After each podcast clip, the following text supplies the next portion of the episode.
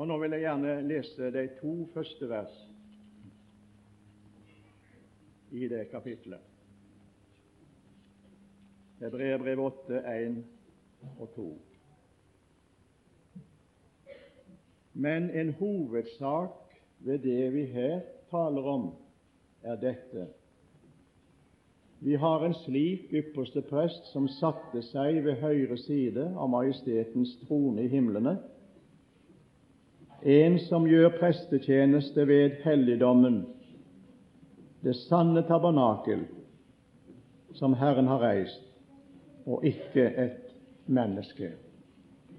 Herre Jesus, vil du ved Din Hellige Ånd vise deg for oss gjennom ordet ditt i denne bibeltime også. At vi kan få se det som sangeren synger, jeg har en bror som ved Guds side vet om min sak og ber for meg. Herre, vi vil takke deg for det er en hovedsak at du sitter ved Faderens høyre side. Det er en hovedsak i frelsesspørsmålet og det er en hovedsak i bevarelsesspørsmålet. Vi vil takke deg, Herre, for det vi allerede har blitt minnet om i denne dag. Takk for forrige time, og takk for du vil være med oss videre gjennom denne dagen. Og Herre, ta nå min tunge, tem dens tale, gjør den til din sannhetsdolk, så jeg levende kan male Kristus deilig for mitt folk.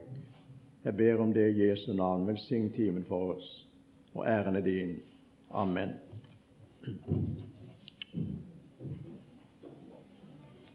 Vi har talt om en hovedsak, og vi skal fortsette å tale om en hovedsak. Det er ingen bisak, dette.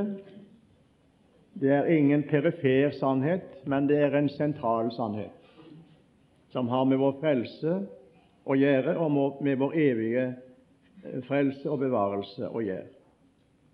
Og Nå har vi i de første tre bibeltimene vi har prøvd å ha her, talt om at en hovedsak er dette at vi har en ypperste prest som satte seg. Og Jeg har bare nevnt det uten at jeg skal repetere det, for det skal jeg ikke gjøre, det tar for lang tid. Men det at ypperste presten satte seg i helligdommen, det, det kunne ikke skje i den gamle pakt. Ypperste presten ble aldri ferdig. Han måtte ut igjen og inn igjen neste år. Men når Kristus kom som ypperste prest, gikk han igjennom et større, hellig, større tempel, eller helligdom, enn det som var gjort med hender. Og så gikk han like inn i himmelen, og så satte han seg i helligdommen. Og det er egentlig i himmelen vi har vår sanne helligdom. Det er der Bibelen taler om at det er helligdommen for de troende på jord.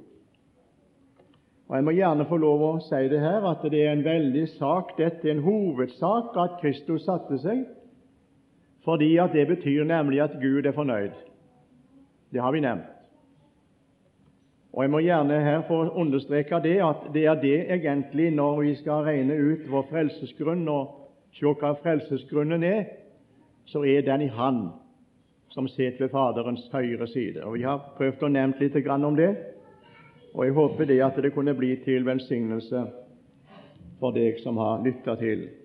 En hovedsak er det at vi har en slik ypperste prest som satte seg.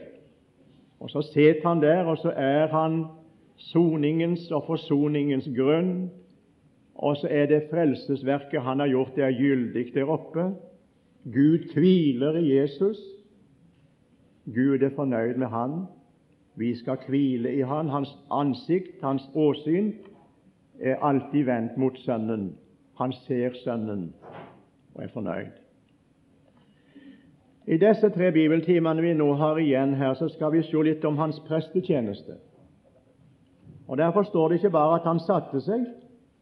Det kunne vi ha sagt mye mer om, men la nå være med det nå. Nå skal vi gå til det andre punkt og det andre vers. Der står det 'en som gjør prestetjeneste ved helligdommen', det sanne tabernakel som Herren har reist, og ikke et menneske. Og Da er det veldig viktig angående denne hovedsak også at vi har ikke bare en som har satt seg ved Faderens høyre side og sitter der og venter på at hans fiender skal bli lagt til skammel for hans føtter, som det heter. Men han er i virksomhet. Og Jeg er veldig glad for meg personlige del, så jeg er veldig glad fordi at jeg har en frelser ved Guds side som alltid treder frem for meg. Jeg har en som er i virksomhet for Henrik Røykenes, for meg personlig og for deg som tror på Jesus. Han gjør prestetjeneste, og prestetjenesten han gjør, er for oss. Her har vi et presteembete som vi må sannelig sette høyt, og som aldri vi kan vurdere høyt nok. En som gjør prestetjeneste ved helligdommen, det sanne tabernakel, som Herren har reist, og ikke et menneske. Og det er i himmelen. Og Nå skulle jeg gjerne sagt en hel del om eh, denne personen som sitter der, og som er i virksomhet med prestetjeneste i himmelen. Det er så mange, mange ord i hebreerbrevet også som faktisk talt vi skulle ha sagt noe mer om. Men la meg nå få lov å gå over til å si litt om denne personen i to, to ganske enkle punkter.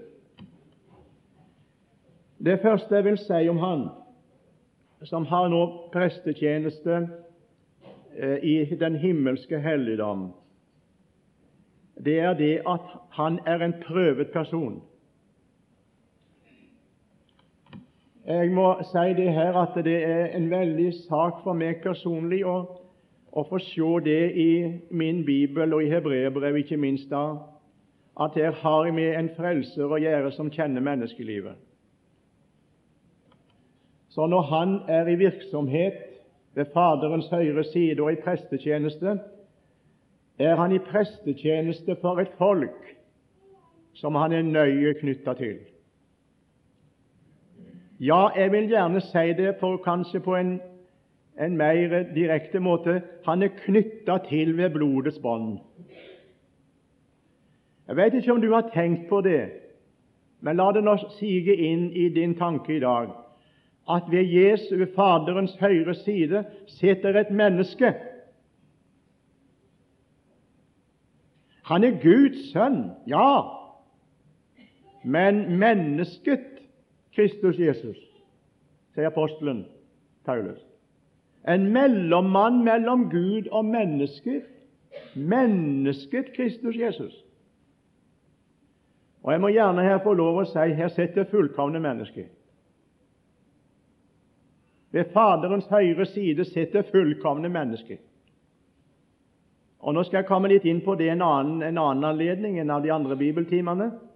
I dette fullkomne mennesket ved Faderens høyre side sitter du,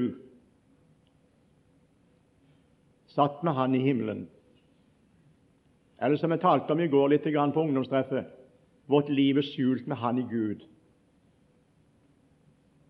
Det er en veldig sannhet.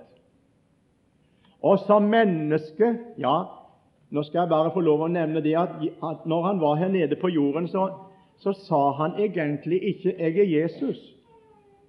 Det er én gang jeg finner i mitt Nye testamente at han presenterer seg og sier 'Jeg er Jesus'. Det var til Saulus fra Tassus utenfor Damaskus. Når han spør 'Hvem er du, Herre?' Nå svarer han 'Jeg er Jesus fra Nasaret, han som du forfølger'. Hva presenterte han seg for når han var på jorden? Det forteller oss litt om hans jordeliv. Og det forteller oss hva han er for noe for oss, også i det jordiske. Menneskesønnen er kommet. Menneskesønnen skal sitte ved Faderens høyre side og komme i himmelens skyer. Menneskesønnen er kommet for å søke å frelse det som var fortapt. Og Da skjønner vi her her har vi med det fullkomne mennesket å gjøre. Her har vi med en ny Adam å gjøre. En ny stamfar å gjøre.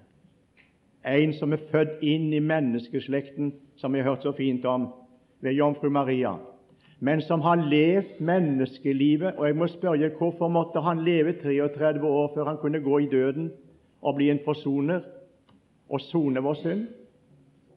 Han skulle leve livet som menneske.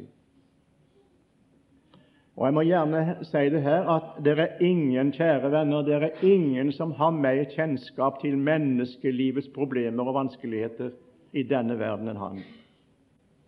Og Derfor har vi han ved Faderens høyre side, som er et prøvd menneske. Et prøvd menneske. Han betjener deg der og vet nøye hvordan det er og hvordan det fungerer å være et menneske på denne jord. Så han har godt kjennskap til deg. Du behøver ikke fortelle noe nytt om menneskelivet som ikke han kjenner til, i ditt problem også. Og Derfor skal vi gå tilbake til skal vi gå til ordet igjen. Annet kapittel i Hebreerbrevet. Det andre kapittelet, vers 17 og 18. Og i kapittel 4, vers 15. Kapittel 2, vers 17 og 18. Og Jeg er så barnslig i min tro på Bibelen at jeg tror at når det står et uttrykk slik som 'alle', 'alltid', 'alle ting', så tror jeg at det betyr ikke 80, 90, 99 Da betyr det alt og alle ting. Derfor måtte han i alle ting bli sine brødre lik. Hvorfor det, da? Må du høre. For at han kunne bli en miskunnelig og trofast ypperste prest for Gud til å sone folkets synder. For ved at han selv har litt og er blitt fristet, kan en komme dem til hjelp som blir fristet. Er ikke det herlig å vite det? Og Her ser vi noe inn i Jesu jordeliv som menneske, prøvet i alle ting, bli sine brødre lik i alle ting. Han selv har litt og er blitt fristet, kan komme dem til hjelp som blir fristet. Ja, Det er det han nettopp vil nå, skjønner du, med sin prestelige tjeneste i helligdommen, det sanne tabernakel, fordi han er nøye kjent med hva det er å være en menneskesønn, å være din bror. Han er blitt sine brødre lik i alle ting.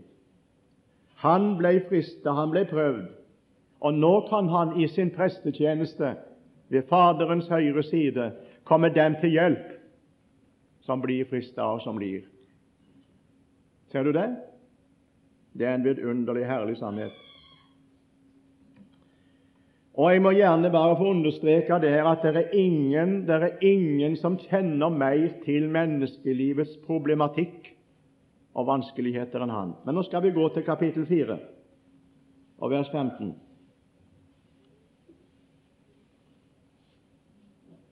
For vi har ikke en ypperste prest som ikke kan ha medlidenhet.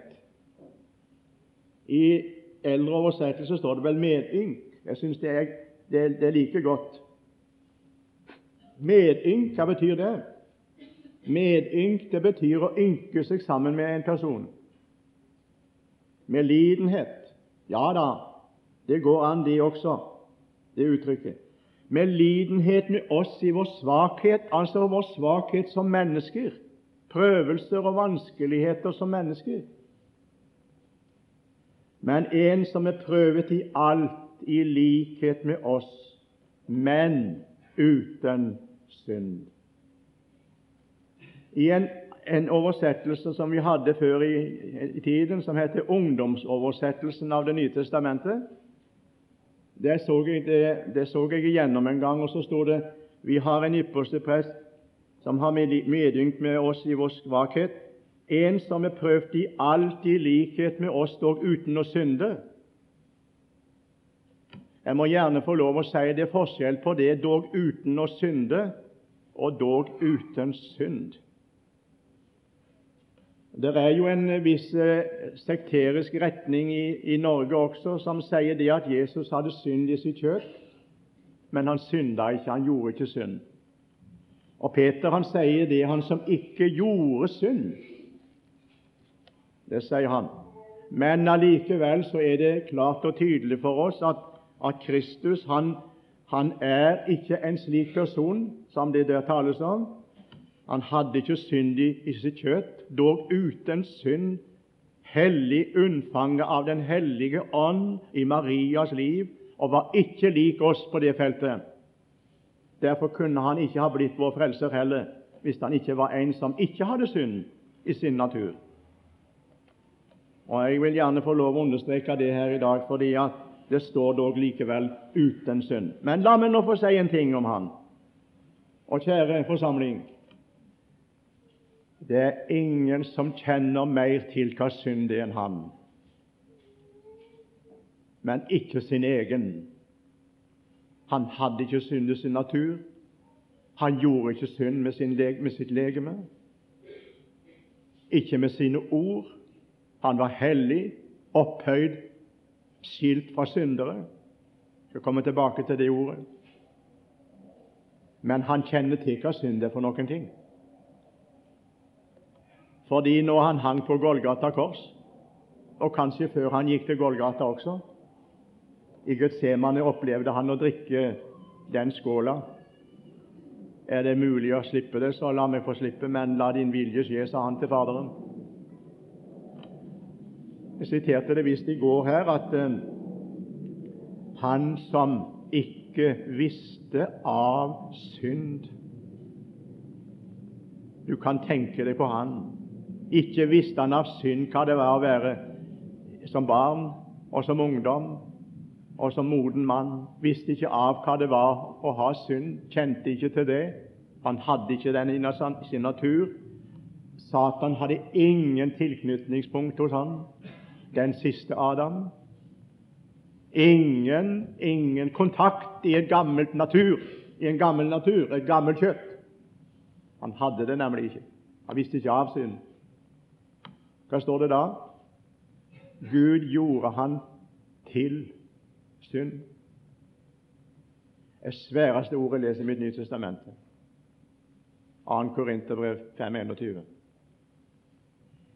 Og hva betyr det? Ja, vi bare får lov å si det i forbifarten her. Å bli gjort til synd betyr å bli personifisert med den. Bli gjort ett med den. Så når Jesus hang på Golgata kors, opplevde han alle slekters synder som sine. Og Det er ikke for ingenting at det ble sagt at når han hang på korset, så strekte han den ene hånda ut til det første mennesket i Edens hage. Adam og Eva, første menneske, og det andre hånda ut til det siste mennesket i denne verden som ennå ikke er født. Mellom de to hender på Golgata kors henger hele menneskeslekten. Hele menneskeslekt. Én er død for alle. Derfor er de alle døde. Og Jeg må gjerne si det her. Her smaker han og opplever han det som egentlig er syndens egentlige lønn, døden. Og jeg må gjerne her få si ikke bare den fysiske død, men den som tales om et menneske blir skilt fra Gud. Hva er helvete, venner? Hva er fortapelsen for noe? Fortapelsen det er en plass der mennesket er forlatt for evig. Det smaker Jesus i noen timer der han henger på Golgata kors. Min Gud, min Gud, hvorfor har du forlatt meg? Hvorfor? Det var slektens synd. Det var lønnen for slektens synd. Og Derfor vil jeg gjerne si det her at når han hang der, så hang dine og mine gamle naturer og vår gamle natur og våre synder og alt i sammen. Du kan regne det opp. Han smakte alt sammen, og du kan gjerne spørre han, Herre Jesus, ble du også gjort ett med min synd? Så svarer han ja. Jeg kjente, opplevde også din synd som min. Jeg hadde ikke gjort den. Men Gud, min Fader i himmelen, overførte alt sammen til meg, og så ble jeg skyldig for alle de skyldige.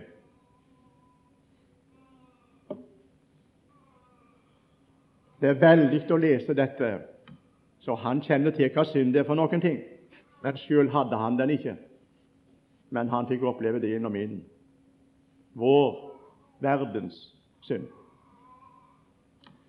Men la meg nå få gå tilbake igjen til dette at han er prøvet i alt i likhet med oss.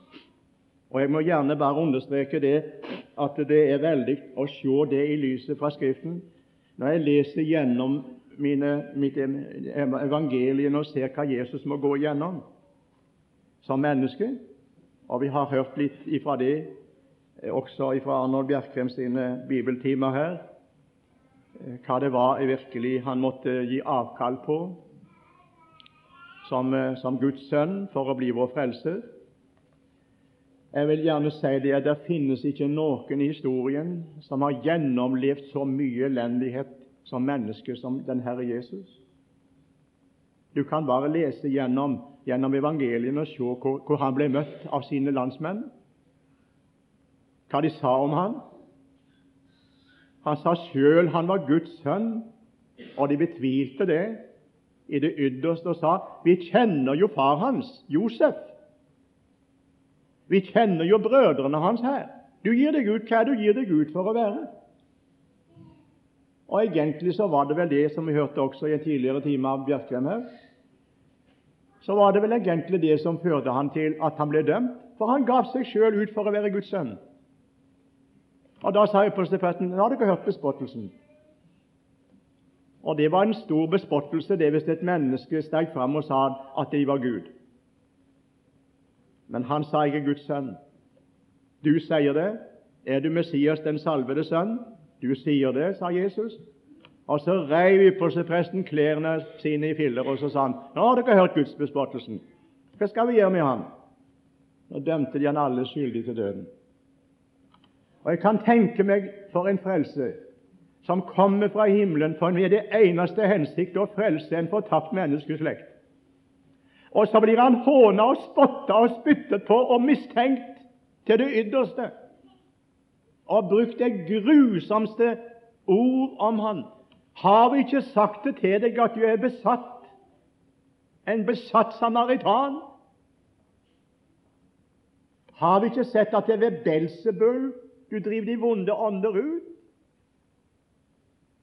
Og så spotta de han, og så håna de han, og så står det om Jesus Peter skriver om det han som ikke skjelte igjen når han ble utskjelt. Ikke truet da han led, men overgav det til Han som dømmer rettferdig. Jeg vil gjerne bare si det her, dere, at eh, Nå vet jeg ikke hvor du har det, du som er ung her. Du opplever gjerne det som denne unge jenta som jeg fikk brev fra. Det hender at jeg får brev fra unge jenter også. Og det har visst ikke noe galt i seg. Men uh, hun skriver det du kan tro, Henrik, at jeg har, jeg har, det vanskelig om dagene når jeg er på skolen. Jeg er den eneste kristne i, i, denne, i, denne, i den klassen jeg går. Og jeg blir spotta, jeg blir håna fordi at jeg tror på Jesus. Så forteller denne unge jenta som gikk da i, i ungdomsskolen jeg kom inn på bussen i dag morges, og så kommer det en, en gutt inn, en av de verste som har plaga meg i så lang tid. Og så skulle han ha et ekstra omgang med meg da. Og Så kommer han inn i, og så har han Bibelen i ene hånda, og så har han et pornografisk, pornografisk blad i den andre hånda. Og Så stiger han fram i, i bussen, og så roper han ut til alle elevene som sitter i bussen, og så sier han, 'Hva vil dere ha av disse to?' For det bladet, pornografiske bladet det var en mer eller mindre naket menneske. Også Bibelen. Så roper de ut alle sammen. Bladet, selvsagt. Bladet. Og så satt nå jeg der og var alene som kristen. Og Så stiger han bort til meg, og så kommer han bort til meg og så rett inn i ansiktet på meg så sier han, 'Og du da, vennen min, hva vil du ha?' Da svarte jeg, han, skriver hun, spør du meg om det? Ja, hva vil du ha? Ja, jeg må bare få lov å si det, sa hun, at uh, Bibelen er, min bok, er min bok. Jeg er glad i Bibelen min. Og så roper han ut, og så ler hele bussen. Ah, hun her, hun vil ha Bibelen, hun. Bibelen! Jeg skrev til henne og sa du er godt selskap.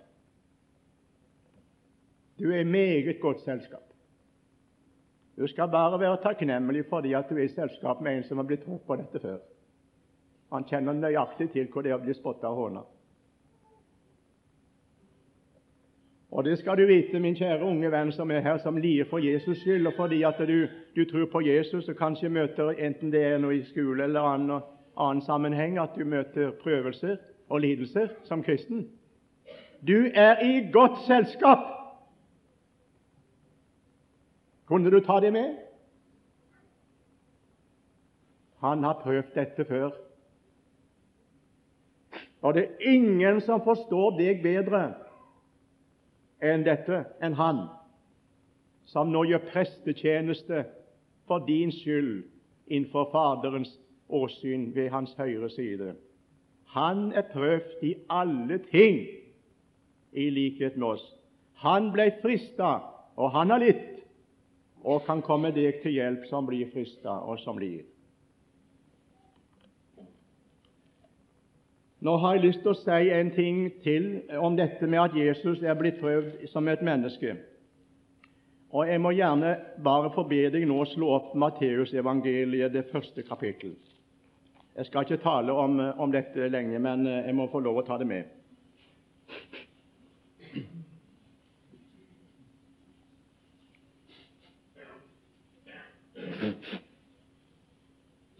Det er ikke så enkelt å stå på talerstolene rundt omkring i landet i dag, og så skal du komme inn på dette med slektsforhold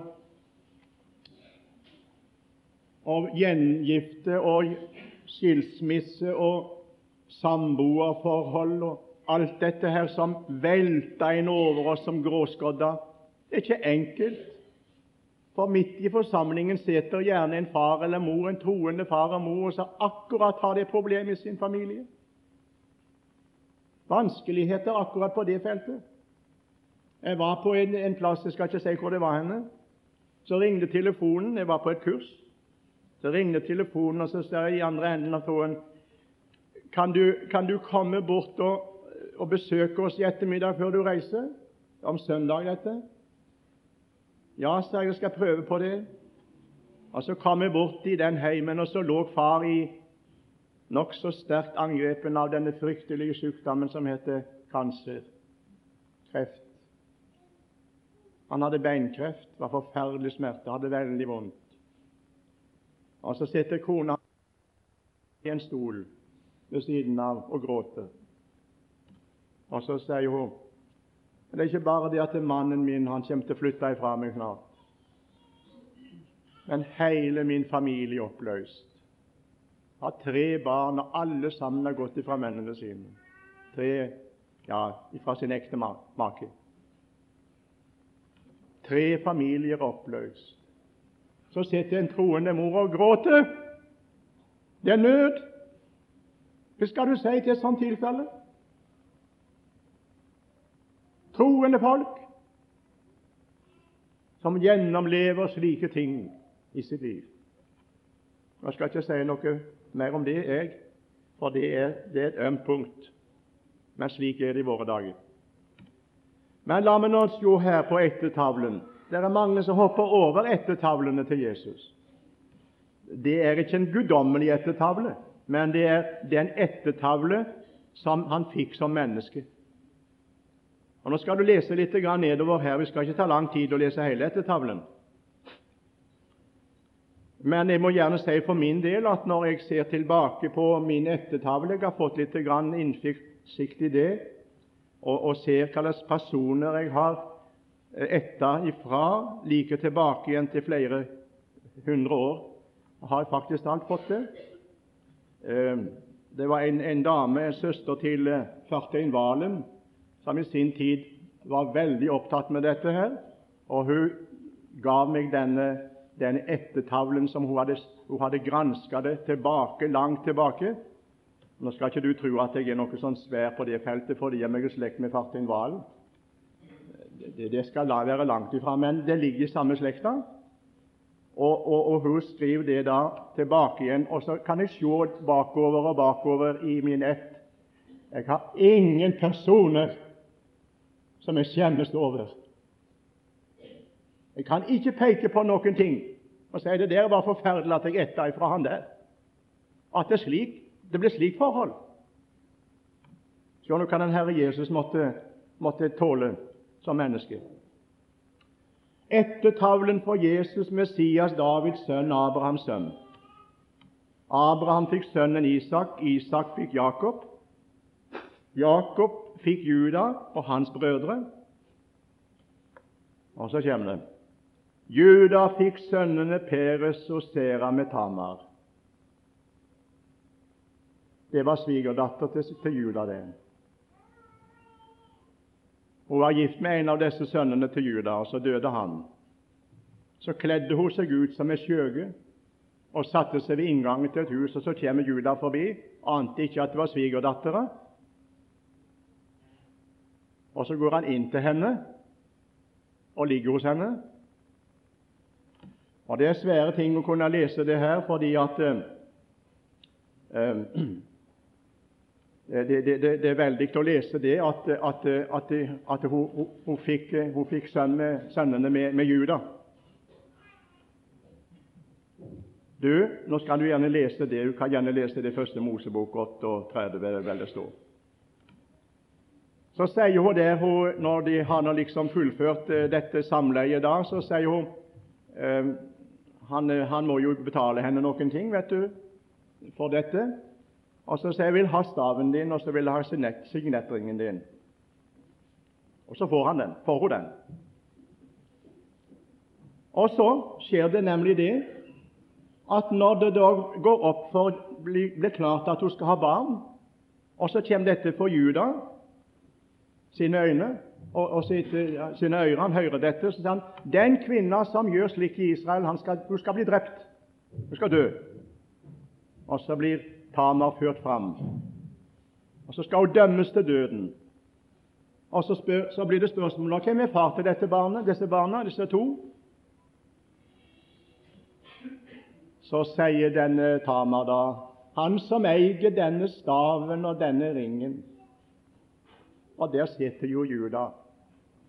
Og så må han si ha, det er jo meg. Jeg var ikke klar over at det var svigerdatteren jeg gikk inn til. Jeg trodde det var ei skjøge. Og så kan hun ikke bli dømt til døden. La meg bare få nevne dette her, du. Det er ikke, det er ikke fine, det er ikke fine ettertavler. Og så skal vi gå videre. Peres fikk Herson, Herson fikk Ram. Ram fikk sønnen Aminadab. Aminadab fikk Nason. Nason fikk Salmon. Salmon fikk sønnen Boas med Rahab. Hvem var Rahab? Jeg kan ikke skjønne det kan være noen annen enn skjøgen i Jeriko. Isai, står det videre. Boas fikk Obed med Ruth. Obed fikk Isai. Isai ble far til kong David. David fikk Salomon, Salomo med Urias hustru. Etter Herren Jesu Kristi ettertavle. Hva ser han er prøvd. Altså, det, det, er veldig å lese dette, synes jeg. Og Nå kan du selv lese nedover i hele den ettertavlen der. Nå skal jeg ikke ta mer tid med det. Men det er et ord Kanskje kunne få lov å ta det med også i sammenhengen. Det er det som står i Jesajas 53. kapittel om du ville slå opp det. Det er et ord som eh, jeg gjerne har vanskeligheter med å forstå, og det er ikke alt jeg forstår i Bibelen, og heller ikke dette. At Han som sitter ved Faderens høyre hånd og var et menneske og levde menneskelivet her på jord, prøvd i alle ting, at han også ble prøvd i det som profeten taler om her. Og Nå er det klart at når det står det at de for, han var forakta, de skjulte sitt åsyn for ham, står det om Jesus i Isaias 53. Det er omtrent som da salm, eh, profeten står på Golgata og ser Jesus. Det er ikke slik Han var, han var ikke stygg å se på, Jesus, når han vandra nede på jorden. Jeg er sikker på at det er den fineste personen som har levd når det gjelder menneskeskikkelse og kroppsbygning. Barna satte seg på fanget hans og tok de til seg. Tror du han så stygg ut? For bare å ta det der uttrykket som hun sa, ei, en kvinne som jeg hadde en samtale med en gang for mange år siden. Hun var ikke så veldig pen og prøvde å gjøre seg penere enn hun var, med sminke og alt det der greiene. Og så sa hun det at eh, 'jeg er så glad for at Jesus var ikke pen, han er Så sa jeg nei, men Jesus, tror du at Jesus var stygg å se på da? Ja, det står nå det i Isaias 53, sa. De hadde skjult sitt åsyn, for han var så stygg å se på. Ja, på Golgata, det, venner. Men nå står det noe her, og du leser med meg her. I det tredje vers i Isaias 53 Foraktet var han og forlatt av mennesker, en smertenes mann. Og så står det noe jeg ikke kan virkelig forstå. Jeg kan ikke finne det nemlig i mine evangeliene. Han var vel kjent med sykdom. Vel kjent med sykdom. Og En annen plass lenger nede, i vers 10, så kan du se det òg. Men det behaget Herren å knuse ham. Han slo ham med sykdom da hans sjel var fram skyldoffer, osv. Jeg kan ikke finne noen plass i min bibel at, eh, at det står at Jesus ble syk. Han kunne ikke komme for han lå syk. Det står ingen plass, men det står at han hjelpte mange syke og lekte syke, men at han sjøl var det. Kan vi slå opp Matteus det åttende kapittel, så kan du se det òg. Når Isaias 53 egentlig går i oppfyllelse på det feltet, så står det noe her i vers 16 i Matteus 8, 16 og 17. Da det var blitt kveld, brakte de til ham mange som var besatt av vonde ånder, og han drev ånden ut med et ord, og alle som var syke, helbredet ham. For at det skulle bli oppfylt som er talt ved profeten Jesaja, som sier:" Han tok på seg våre plager og bar våre sykdommer. Jeg kan ikke legge det ut, men jeg tror det at når det står i min bibel her, i Hebreabrevet som vi nå har for oss, at han måtte i alle ting bli sine brødre lik og bli prøvd i alt i likhet med oss, må det vel ligge også i dette som har med det fysiske å gjøre. Prøvd også på det feltet. Kan hende at han hang på, han hang på Golgata kors, at han opplevde smerter sykdom i sitt legeme. Kan hende det var da. Eller han hadde det i sin, sitt kropp mens han vandra. Jeg veit ikke. Kan ikke si noe om det, kan ikke legge det ut. Men han var vel kjent med det, sier profeten Isaias. Vel kjent med sykdom. Så det vil jeg gjerne ha sagt dere. Og Nå skulle jeg ha sagt mye om dette med, med sykdom og helbredelse og alt det der som skjer i våre dager. Jeg tror personlig det at Jesus er den samme, at han kan gjøre, gjøre folk friske i dag også. Det har jeg erfart i mitt liv som forkynner. Det har jeg opplevd mange ganger. Men jeg har opplevd også å be for mennesker og salve mennesker med olje i Herrens navn når de ikke blir syke, friske. Det har jeg opplevd også. Jeg må fortelle dere om det, for det synes jeg er, det, det, det er et slag i ansiktet på alle, alle disse her herlighetsteologene og teologien som sier det at når du er syk, så har du med djevelen å gjøre. Nei, det vil jeg gjerne få lov å si. Det er ikke tilfellet. Og jeg må gjerne si det, det er bare å legge stein til børa når, når, når, vi sier det at en, en kristen skal ikke være syk. Nei vel, så kan du gå med en sykdom, og så ender det i døden. Og hva vil da et menneske si? Hva er vitnesbyrd for en da? Det er alvorlige, alvorlige ting, det der. Jeg ba for et menneske, vi ba for et menneske, jeg var ikke alene om det. Jeg var 30 år gammel, hun skulle ut som misjonær. Hun skulle ut som misjonær. Hadde fått misjonskallet. Og Så ble det spørsmål vil dere, komme, vil dere komme og be for meg og salve meg med olje i Herrens navn etter Jakob 5. Og vi gjorde det. Det var siste gangen jeg så henne da. Jeg reiste fra den plassen. Så kom jeg til ei bygd 40 år etterpå. Og så sier mannen, forresten presten i den bygda jeg bodde hos han, heter Bjarne Edvin Landro. Og så sier han, du, du Henriksson, du må besøke Julia når du kommer hit. Julia, sier jeg. Julia? Ja. Er hun her? Ja. Hun ligger på pleieheimen her oppe. Hun er 70 år. Altså 40 år var det gått ifra vi salva og ba for henne på et sykehus en plass i Norge. Og nå hadde hun lagt i 40 år. Og Så gikk jeg opp på sykehuset, og så sto jeg inne på det sykeværelset. Jeg vil aldri glemme det. Et menneske som lå i en seng. De hadde lagt ekstra seng til henne. Hun lå med hendene utenfor sånn, for hun kunne ikke ligge sånn. Så lå hun sånn, med et galleri på begge sider. Hun lå helt vader.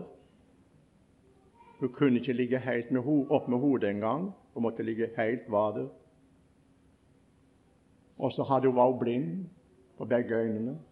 Kunne ikke le av en fing på kroppen unntagen øynelokkene. Hun kunne blinke. Det var alt. Så står jeg med senga hennes, og så sier jeg Ligger du her, Julia? Så vendte hun, prøvde å vende hodet mot meg. Og, og så sier hun, 'Hvem er du?' Ja, så sa jeg navnet mitt. Å nei, å nei, å nei, sa hun, er det du? Og så visste jeg ikke ordet, for det strålte over dette syke ansiktet, og så sa hun, Er ikke Gud god?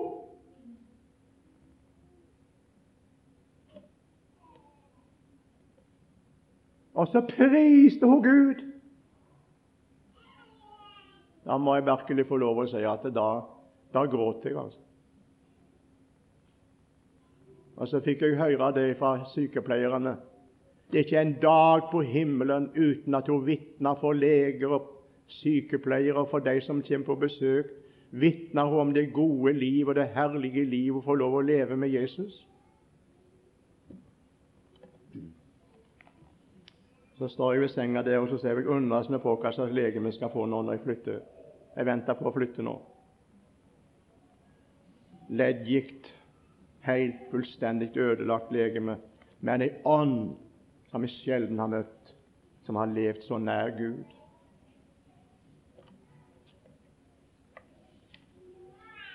Jeg kan ikke stanse mer med det, men nå skal jeg gå videre. Jeg må få nevne en, en ting til før jeg slutter av. Når han nå, når han nå er i prestetjeneste, skal du vite det at han kjenner til din situasjon, han kjenner til menneskelivet. Han er prøvd i alle ting. Det skal du ha med deg fra denne bibeltime. Men nå skal, nevne, skal vi nevne en annen ting som står i, i Hebreerbrevet igjen, i det sjuende kapittel av vers 24-25. Det sjuende kapittel vers 24 og 25.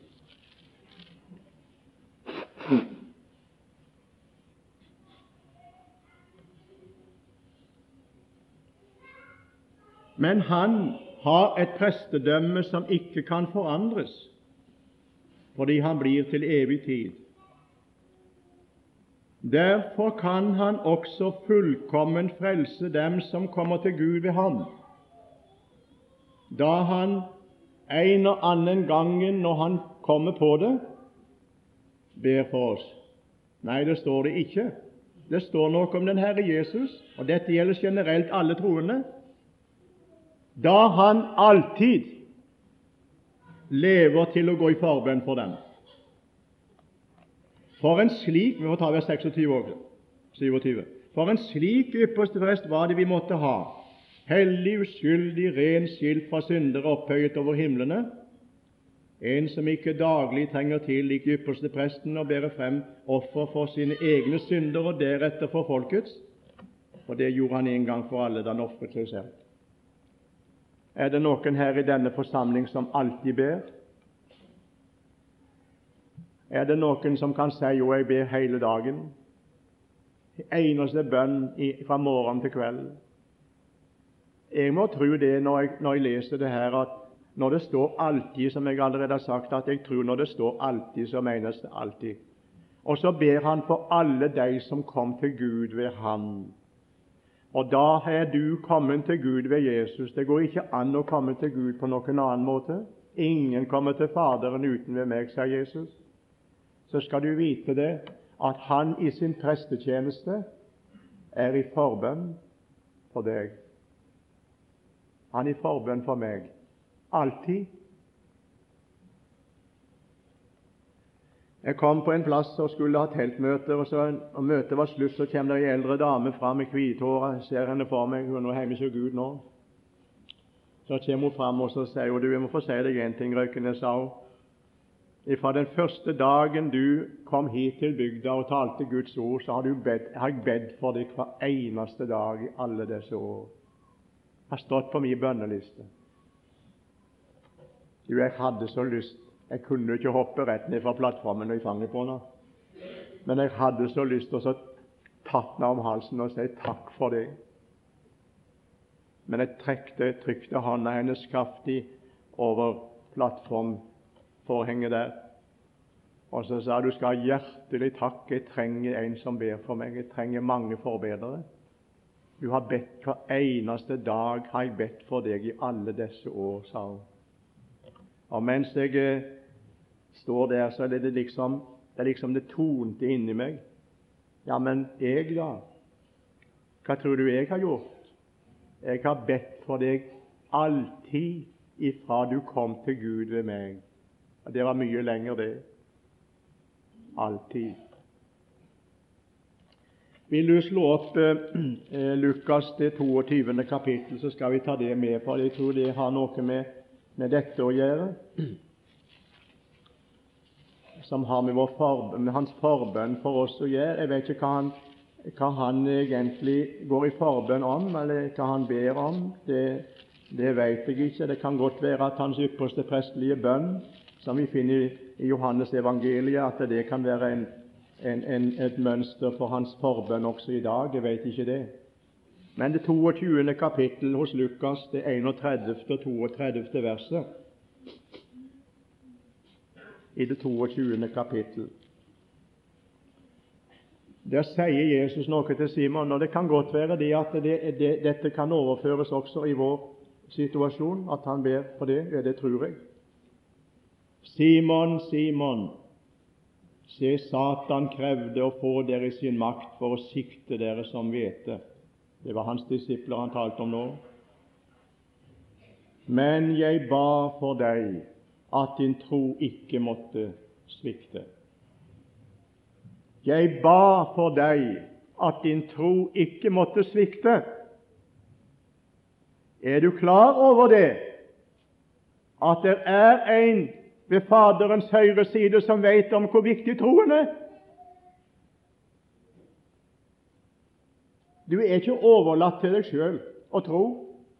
Det er en som følger med, og som gir din tro nye impulser og vitaminer, slik at du kan holde den oppe. For det å tro det er ikke en menneskesak, det er en Guds sak i et menneskeliv. Troen er en Guds sak i et menneskeliv. Bare les 1. Peters brev. Dere som ved Guds makt, skrev Peter i første kapittel i sitt første brev, dere som ved Guds makt blir holdt oppe ved troen. Det er en Guds sak, en Guds makt i den troendes liv. Jeg ba for deg at din tro ikke måtte svikte. Nå skal, du, skal vi gå til et annet plass i Det nye testamentet, nemlig Johannes 11. Vi har jo sagt om Martha i Betania at hun var en lovtrell. Det var så vanskelig for henne at hun ikke levde med Gud, trodde ikke på Jesus osv. Jeg vet ikke, men jeg tror at vi har gjort Martha mange, mange feil vurdering. Men Martha hadde en tro på Jesus også, hun, og hadde klart og tydelig det. Enda det var mye ved Martha som kanskje vi kunne ha sagt at det burde ikke, burde ikke være slik. Hun var veldig opptatt med de mange ting, men det betydde ikke at ikke hun trodde på Jesus. Nå skal du høre hva hun sier utenfor Lasarus' grav. I kapittel 11 i Johannes vers 21. Martha sa da til Jesus da hun kom til ham, Herre, hadde du vært her, da var min bror ikke død. Men hør nå hva Martha sier. Men også nå vet jeg at alt det du ber Gud om, vil Gud gi deg. Hun trodde på Jesu forbønn. Alt det du ber Gud om, vil Gud gi deg. Tror du han hører Sønnens forbønn? Og lenger nede i samme kapittel, der står det slik, og vi kan ta det med også da tok de stenen vekk fra 41. Da tok de stenen bort, og Jesus løftet sine øyne mot himmelen og sa, Far, jeg takker deg fordi du har hørt meg. Jeg visste jo at du alltid hører meg, men for folkets skyld som står omkring, sa jeg det, for at de skal tro at du har sendt meg. Jeg vil gjerne bare understreke det for deg i dag, at den forbønn som Jesus fører for Faderens åsyn i himmelens helligdom, der han gjør prestetjeneste, går i forbønn for alle sine på jord. Den bønnen blir alltid hørt, alltid besvart. Det blir aldri et nei. Derfor kan du lite på det, at når det står han kan også fullkommen frelse, det vil si med ånd og sjel og legeme, med hele mennesket, inn i det himmelske herlighet. Det er, ikke, det er ikke sant dette her at vi ikke skal til himmelen. Nei, nei, nei. Vi skal til himmelen. Og Jeg vil gjerne få understreke det som også John har sagt her. En får, si hva en vil, og at himmelen skal komme ned. Ta ikke himmelen ifra oss. Vi skal til himmelen. Der er vårt hjem. Der er vårt fedreland.